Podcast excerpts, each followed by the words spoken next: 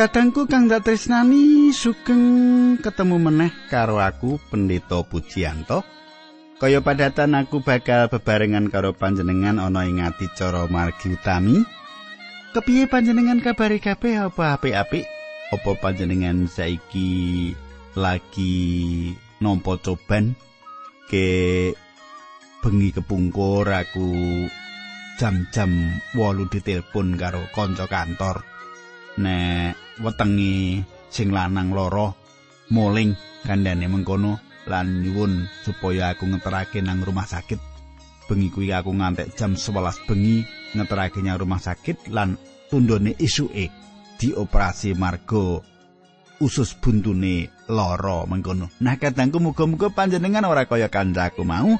Panjenengan saiki tetep sehat tetep diberkahi karo Gusti Allah mengkono Lan aku bakal bebarengan karo panjenengan arep ngedun berkah Gusti saka kasuwargan.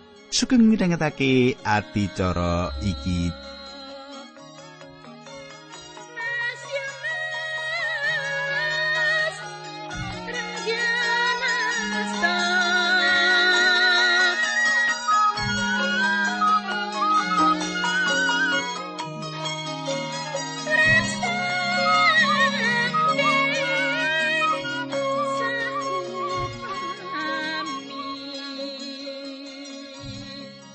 Katanggu kepungkur kita wis temak kepiye Gusti Allah nimbali Nabi Musa supaya munggahing gunung Sinai icik ilingan pora panjenengan kuwi. Gusti dawuh marang Nabi Musa ing nalika semono supaya menehi ngerti marang bangsa Israel supaya ora ana wong siji wae kang melu munggah ing gunung Sinai. Katanggu banjur kepiye kedadiane sak banjure Nah, kita bakal nyemak ing dina saiki Nanging sadurunge kuwi panjenengan tak dereke ndedonga. Nanging sadurunge ndedonga aku bakal ngaturake salam dhisik ya. Sing wis nglayangi aku ora diwenehi salam ya. Yaiku Bapak Wiryo Soekarto. Bapak Wiryo Soekarto. Terus pundi Pak Wiryo Soekarto menawa panjenengan tasih setya midhangetaken adicara menika? Nggih. Wonten cariyos menawi wonten sederek ingkang ora tau kendhat ngrungokake iki wah nek aku ndek duit tak tukoke kenang-kenangan sing apik. Nah katangku monggo kita ndedonga sesarengan. Duh Kanjeng Rama ing swarga kawula ngaturaken gunging panuwun menawi wekdal menika kawula tasih keparingan wewengan ngedum berkah pangandikan kayektosan saking paduka Kawula pasrahaken wonten ing asta paduka Gusti linambaran asmanipun Gusti nyuwun berkah paduka lan tuntunan paduka wonten ing salebetipun adicara menika. Haleluya. Amin.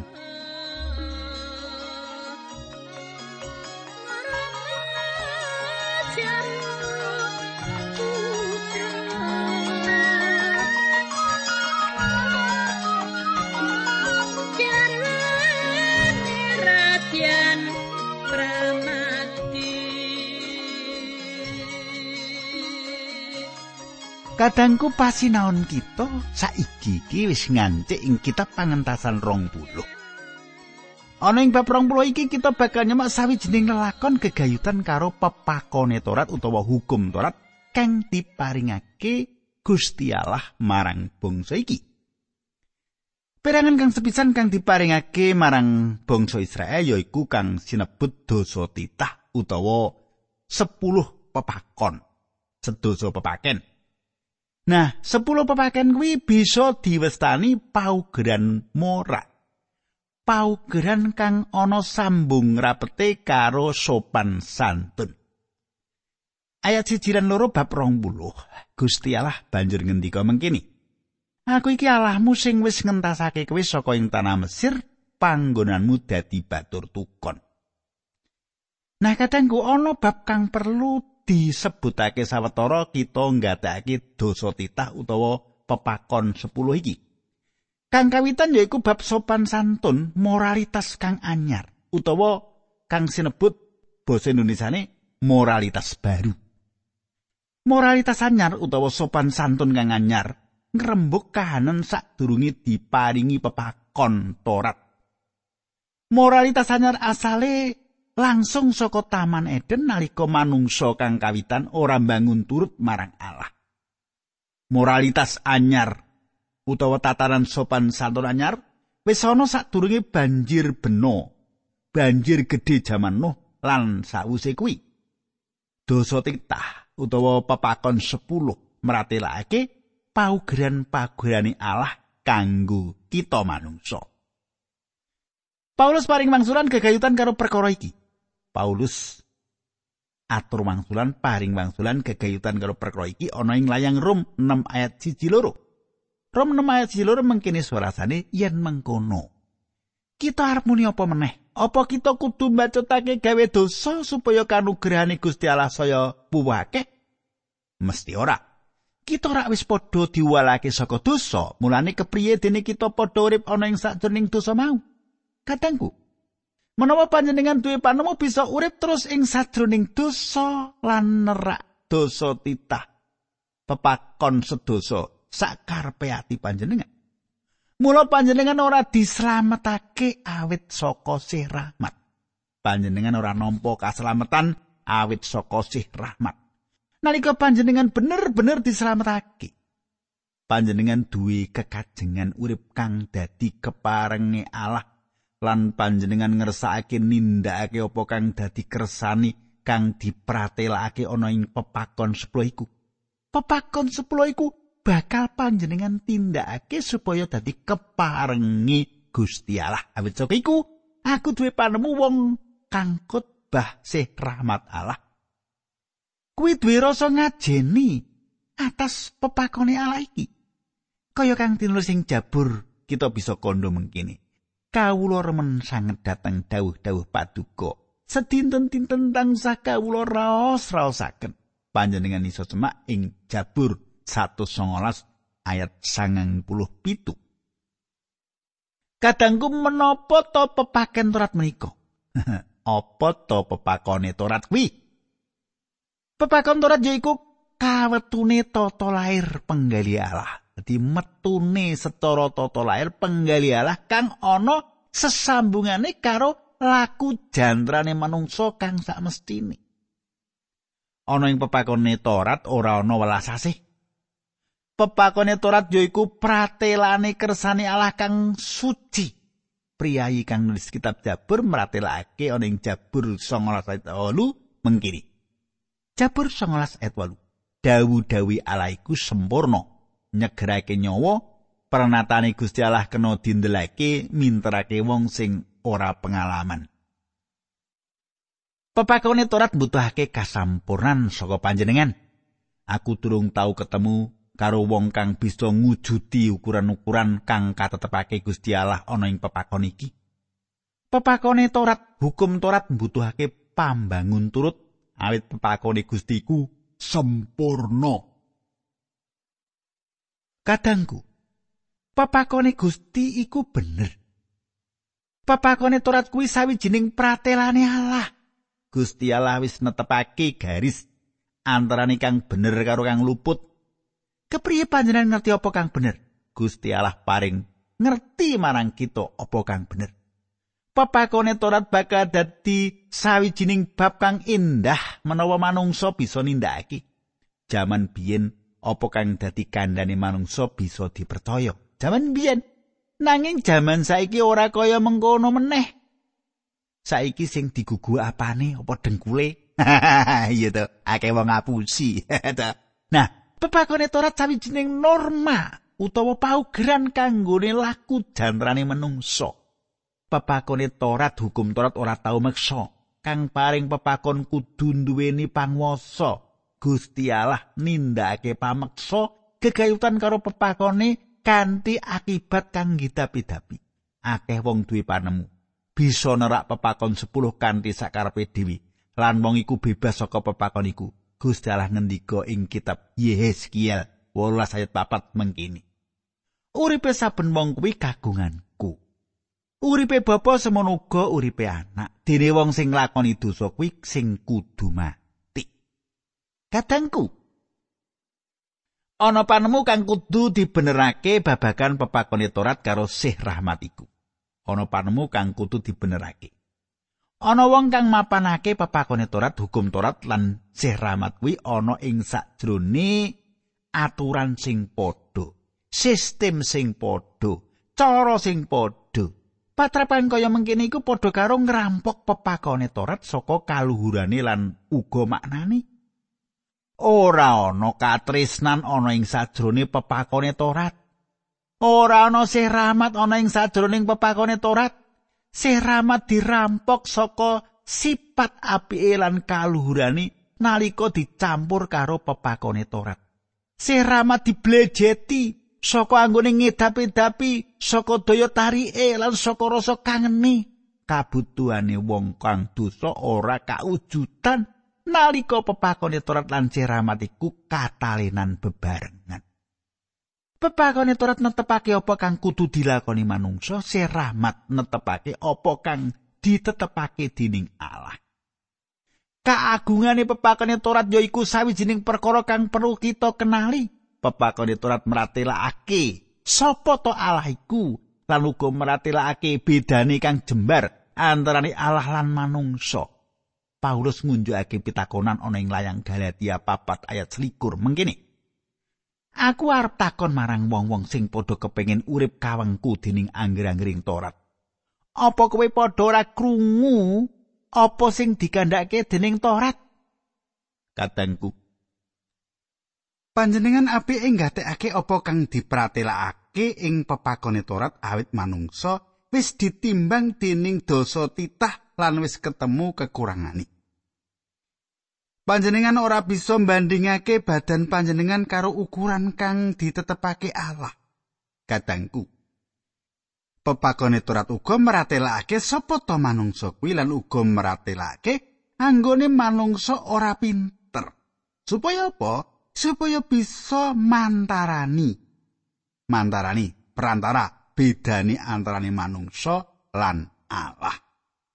Ing Rum telu ayat 19 katulis mengkini, saiki kita ngerti yen samu barang sing didhawuhake dening Torat kuwi kanggo wong-wong sing kawengku ing Torat.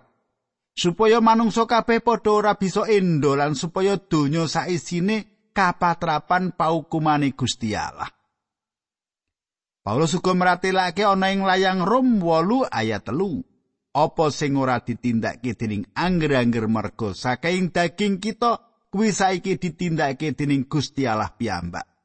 Panjenengane wis ngukum dosa sing ana badane manungsa srana ngutus putrane piyambak sing rawuh ngagem sipating manungsa dosa kanggo nyirnakake dosa.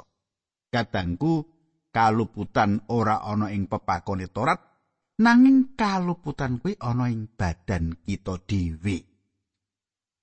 Kadangku pepakon iku dikaya pangilon ngatonake kahanane manungsa kang dosa. Ake wong kang wis nyawang ana ing pangilon. Ake wong kang wis nyawang ana ing pangilon nanging tansah duwe pikiran menawa awake iku bener Patra mangkene iki ngelingake aku sawijining cerita rakyat kang nritakake ana ratu kang nyawang awake ana pangilon nanging dheweke kondo mengkene pangilon pangilon mapana ana tembok kang paling indah ya Ratu mau duwe pepinginan supaya pangilon iku nyatakake menawa dheweke kang ayu dewi nanging pangilon iku ora nyatakake mengkono Pangilon nyatakake apa kang bener meratelake menawa ratu kuwi dudu wong kang ayu dewi isih ana wong liya kang luwih ayu tinimbang ratu mau. Perkara kang perlu digatekke saiki yaiku isih akeh wong kang dipatrap kaya mengkono iku. Bedane yaiku wong-wong saiki njawab pitakone awake dhewe, aku kang paling ayu. Wong-wong mau duwe panemu yen dhewe kang cekelan pepakonan Torat. Panjenengan perlu nyawang ana ing panggilan wis cerak lan karben panggilan iku menehi jawaban sing sak beneri. kadangku pepakon torat hukum torat meratelakake kasunyatane manungsa iku dosa pepakone torat yaiku kang ngrumat kita kang nuntun kita marang salib. Saiki ayo kita ndeleng marang dosa titah pepakon 10 dosa titah iki pepakon 10 iki diperang dadi rong perangan gedhi. Sak perangan urusan karo sesambungane manungsa karo Allah lan perangan liyane urusane karo sesambungane manungsa karo pepadhani. Bab 20 ayat telu. Aja padha duweni Allah liyane kejaba aku. Kadangku Allah ngipati-pati politeisme yaiku wong-wong kang nyembah marang ilah kang akeh marang Gusti kang akeh. Ora ana paugeran gegayutan karo wong ateis sing jaman iku awit. Awit jaman iku isih cerak karo jaman panciptaan lan pratenane Allah kang wiwitan wong ateis wiwit katon ketok ing jamane Sang Prabu Daud lan wong-wong kang duwe patrap mengkono iku disebut wong bodho nalika jaman semono. Jaman saiki wong ateis mengkene bisa dadi guru besar ing perguruan tinggi lan dianggep wong kang pinter banget lan intelek. Jaman saiki mengkono wong sira percaya Gusti iku malah didadekke guru besar. Nanging tumrape Gusti Allah wong kang mengkono kuwi wong ora percaya Gusti kuwi disebut wong bodoh. Jaman saiki akeh banget wong ateis iki awit manungsa wis banget adoh saka asal mulani nalika dititahake kang sepisanan lan manungsa ora gelem nampa pratelane Allah lumantar pangandikane. Kadangku Allah paring pangandika marang umat Israel aja padha duweni Allah liyane kejaba aku. Gusti Allah paring dawuh kang kaya mengkono kuwi awet ing jaman iku manungsa ngalami kangenan kanggo urip kang imbang. Jaman semono wong budidaya supaya duwe dewa akeh sing penting kanggo dadi pangeling-eling kita yaiku ing jaman iku Gusti Allah nuju paring paukuman marang golongan kang duwe kapercayan marang sesembahan kang akeh. Paulus mratelakake perkara iki lan ditulis ana ing layang Rom siji ayat selikur nganti selawi. Manungsa ngerti nanging Gusti Allah ora padha disaosi pakurmatan lan padha ora syukur marang panjenengani. Kosok baline sing dipikir malah perkara-perkara sing tanpa guna. Budine dadi peteng lelimengan, rumangsane wicaksana nanging satemene bodho. Sing padha disembah dudu Gusti Allah sing sifat langgeng nanging reca-reca sing digawe manut rerupaning manungsa sing ora langgeng utawa manuk-manuk kewan-kewan sikil papat utawa kewan-kewan rumangkang. Sarene manungsa dadi bodho kaya mengkono mulane Gusti Allah ngujo manungsa nglakoni perkara-perkara sing asor lan nista manut sesenenge atine kabeh padha nglakoni perkara-perkara sing rusuh kasetyane Gusti Allah dilironi goro. Wong-wong mau padha luwih seneng lan ngabekti marang barang gaweane dhewe ketimbang karo Gusti Allah sing nitahake sing mestine diluhurake ing selawas-lawase. Amin. Mengkono jawabane Rasul Paulus. Kadangku bisa uga ana kang duwe pikiran menawa perangan iki ora bisa diterapake marang kita ing jaman saiki. Nanging layang kolose 3 ayat 5 mratelake marang kita keserakahan iku padha karo manembah brahala. Apa wae sing panjenengan sembah mligine kanthi patrap sumarah iku brahala. Iku wis dadi dhewe brahala tumrap panjenengan. Ana kang manembah dhuwit kanthi tembung liya apa wae sing ndadekake panjenengan menehi wektu ati lan jiwa panjenengan sejatine iku wis dadi dewa dadi sesembahan tumrap panjenengan. Gusti Allah paring pangandika yen kita ora dikeparengake duwe sesembahan duwe brahala apa wae kang kita sembah ana ing ngarsani. Saiki ayat 6 lan 7 bab 20 nanging aku nresnani saking turune wong sing padha tresna marang aku lan nindakake dawuhku aja padha ngremehake marang asmaku sebab aku Allahmu bakal ngukum sapa wae sing ngremehake asmaku. Katanggu Manawa kita ngremehake asmane Gusti iku ateges kita wis manembah brahala. Jaman saiki akeh wong kang dipatrap mengkene iki. Nanging pangandikan iku ora wah gingsil. Kekayutan karo pangandikan iku meratelake pancen luput menawa nganti ngremehake asmane Gusti awit asmane Gusti iku suci. Ayat 8 Elingo lan sucekno dina sabat. Ayat 9 Nem dina kowe padha nyambut gawe. Ayat 10 nanging dina kapitu kowe dina kang katetepake dening pangeran kanggo ngaso. Ing dina kuwi kowe aja padha nyambut gawe mengkono uga anak-anakmu, rewangmu, kewanmu utawa wong liya sing ana ing wewengkonmu. Sadurunge nem dina aku nitahake bumi, langit, segara lan saisine kabeh, nanging ing dina kapitu aku leren. Mulane aku berkahi dina sabat mau sarta ndak sutekake. Katangku dina sabat kaparingake marang bangsa Israel kanthi cara kang ngidap-idapi. Iki sawijining perjanjian. Sawijining lambang gegayutan antarane Allah karo wong-wong Israel. Kita mengko nyemak ing pangentasan bab 31 ayat 13 nganti 17. Kita ora bisa nemtokake dina sabat iku dina kapan, apa dina Sabtu apa ora, awit anane owah-owahan penanggalan. Ya toh? Nanging sing kita kudu mangerteni yaiku dina sabat iku dianakake ing dina kawitan ing sajrone seminggu. Iki wae durung mesti bener, nanging kita bisa ngerti dina kawitan ing sajrone seminggu awit Gusti kita wungu saka sedo ing dina iku. Sapanjure kita ngancik ing dawuh-dawuh kang gegayutan karo sesambungane manungsa karo pepadani. Pasrawungan manungsa utawa gegayutan sesambungan manungsa iku kawiwitan saka ngomah. Ayat 13. Padha ngajenono bapa lan biyungmu supaya dawa umurmu ana ing tanah sing diparingake marang kowe. Kadangku bapak lan ibu kudu diajeni dening anak-anake. kita bakal ngrembug dawuh iki ing wektu kang bakal teko ya.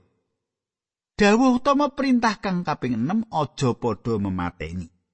Kadangku, perintah dawuh aja padha memateni ora diparingake marang sawijining bangsa. Perintah iku diparingake marang wong pribadi. Wong ora kena mateni pepadane aja memateni ora ana gegayutane karo prajurit kang nuju ngemban tugas utawa prajurit kang kudu mateni wong kang tumindak ala. Sawijining bangsa diparingi kawenangan kanggo ngayomi manungsa kanthi mateni, aja mateni. Sawijining parintah marang wong pribadi kang ana gegayutane karo kanepson. Malah kita kaparingan dawuh ora kena nepsu karo sedulur kita dhewe, ya toh?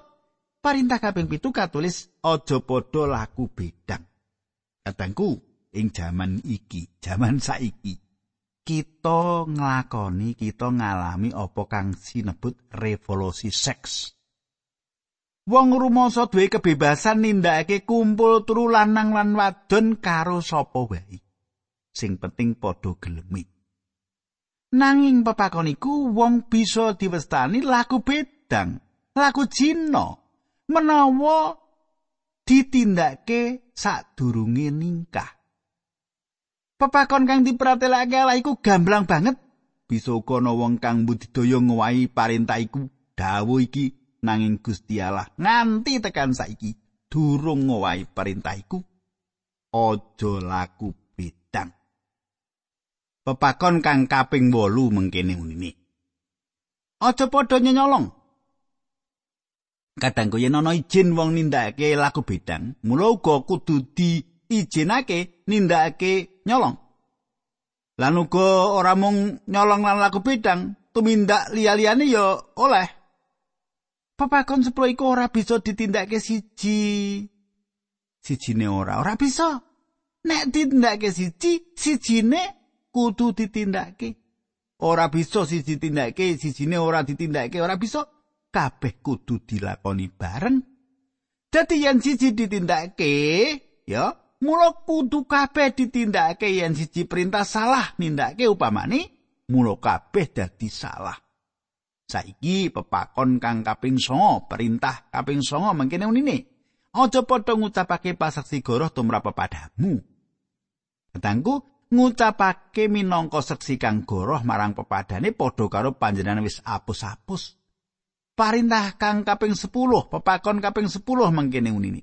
Aja padha milih marang omahe pepadamu apa dene bojone baturi lanang utawa wadon sapi utawa kuldine lan apa wae sing dadi duweke pepadamu kadangku kesrakahan manut Rasul Paulus sing Kolose 3 yaiku padha karo manembah brahala patrap mangken iku sawijining dosa gedhe ing jaman saiki. Gusti Allah ngipati-pati raja pati.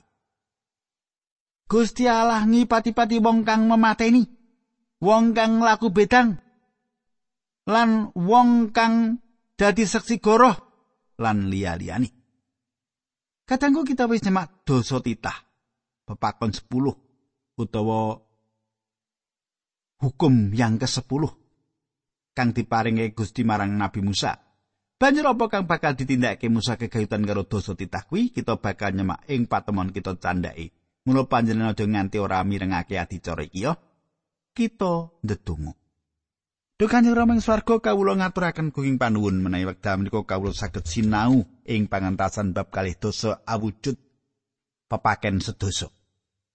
Kawula nyuwun supados Gusti dados pangiling-iling, dados pangilon ing gesang kawula supados kawula mangertos bilih tumindak kawula menika klintu awis saking pangilon saking dosa titah kala wau utawi papaken dosa.